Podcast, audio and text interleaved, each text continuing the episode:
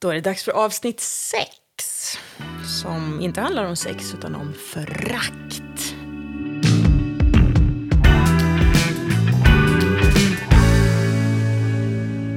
Ja, det här är en eh, elaking. Det här är nog den värsta av alla ryttarna. Eh, Den är den starkaste prediktorn för skilsmässor. Om den här återkommer mycket ofta så eh, har ni stora problem. Ja, och det finns ju till och med studier inom Gottmanlabbet och hos andra som visar att eh, man har mycket lättare att få inflammationer och sjukdomar när det är mycket förakt i relationen. Inte bara hos den som är mottagare av det här föraktet utan även hos den som ger det. Så det här är ju också en... Vill du leva längre och bättre, må bättre så är det också en anledning till att sluta hålla på med den här ryttaren. Och här är det ju mycket eh, uppsåt igen. Elakhet, man attackerar partners självkänsla, eh, förolämpar, skymfar dem, eh, ser ner på dem. Ja, verkligen så. Och det behöver ju inte ens betyda att jag säger det här, utan jag kan ha det här mindsetet att jag är ju bättre än dig. Du är ju bara en liten lort. Och så kanske jag visar det med ansiktsuttryck. Det finns ju väldigt tydliga ansiktsuttryck som visar förakt. Så du behöver inte ens säga det, så, att, så upplever den andra parten det här föraktet. Det blir nästan en, en kultur Ja, i, i relationen. Och otroligt otäckt att vara med om. Mm. Eh, Men när du har fått ett tränat öga så kan du upptäcka det väldigt, väldigt tidigt. Och som sagt, det är otroligt viktigt att använda motgiftet här. För som du sa tidigare, det här är den största prediktorn för skilsmässa i en relation. Därmed också den viktigaste konflikten och den viktigaste varningssignalen att ta på allvar när den dyker upp. Så vad ska man göra då? Vad finns det för motgift? Ja, vi vill ju inte vara här ofta. Vi vill inte hamna här.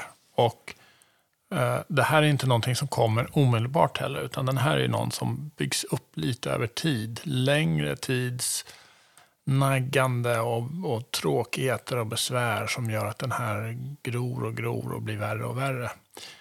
Och då är det ju så att det har varit en längre tid av dåligheter helt enkelt. Och vi måste då skapa en uppskattande kultur i relationen. Det är motgiftet. Jättelätt. jag har alla de här negativa tankarna.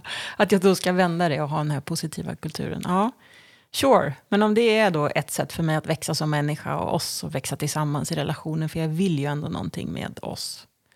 Då kanske jag är beredd att göra det. Det måste ju göras, återigen, små saker ofta, Ja. regelbundet. Det är Ja. det en kultur är. Men om vi gång på gång försöker se det positiva i partnern, finna uppskattning i det den gör, de fina sakerna den gör, och lägga märke till dem och komma ihåg dem. För Det är ju väldigt lätt att man börjar ta saker för givet och då blir de här små positiva sakerna, de läggs inte in på positivkontot. De bara flyger förbi. Fånga upp dem för att få den positiva känslan i- emot, eller för partnern. Så den här liknelsen med det emotionella bankkontot, att jag ska liksom investera och sätta in saker här, liksom pengar dagligen. Eller göra en insättning på det emotionella bankkontot så att eh, vår positiva spiral tillsammans ökar. Ja, och det ja. spännande i det här är ju då, det är två ändar av det här. Det ena är den som skickar de positiva signalerna. I det här fallet är det nästan tvärtom. Det är bankiren som inte tar emot insättningen. Mm. Eh, Man slutar att se, slutar ta emot positiva signaler. De här små bra grejerna. Och då blir det tomt på kontot. Mm, för varje insättning blir nekad. Ja, Åh, det är jätteläskigt. Dit vill vi inte hamna. nej.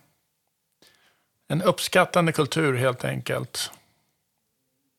Ja, ni hör ju själva, den här kan vara jättesvår att vända. Så den här är ju jätteviktig att ta tidigt och ta hjälp. Vänta inte de här sex åren som det då brukar vara när, innan par söker hjälp. För då har det ju, om den här har fått härja fritt i sex år, ja ni fattar själva. Det är inte roligt. Ingen vill vara där. Men det finns ett motgift till förakt om vi upptäcker det i tid. Leta efter det, undvik det. Skapa en uppskattande kultur. Mm. Och ta emot då, om du är bankir.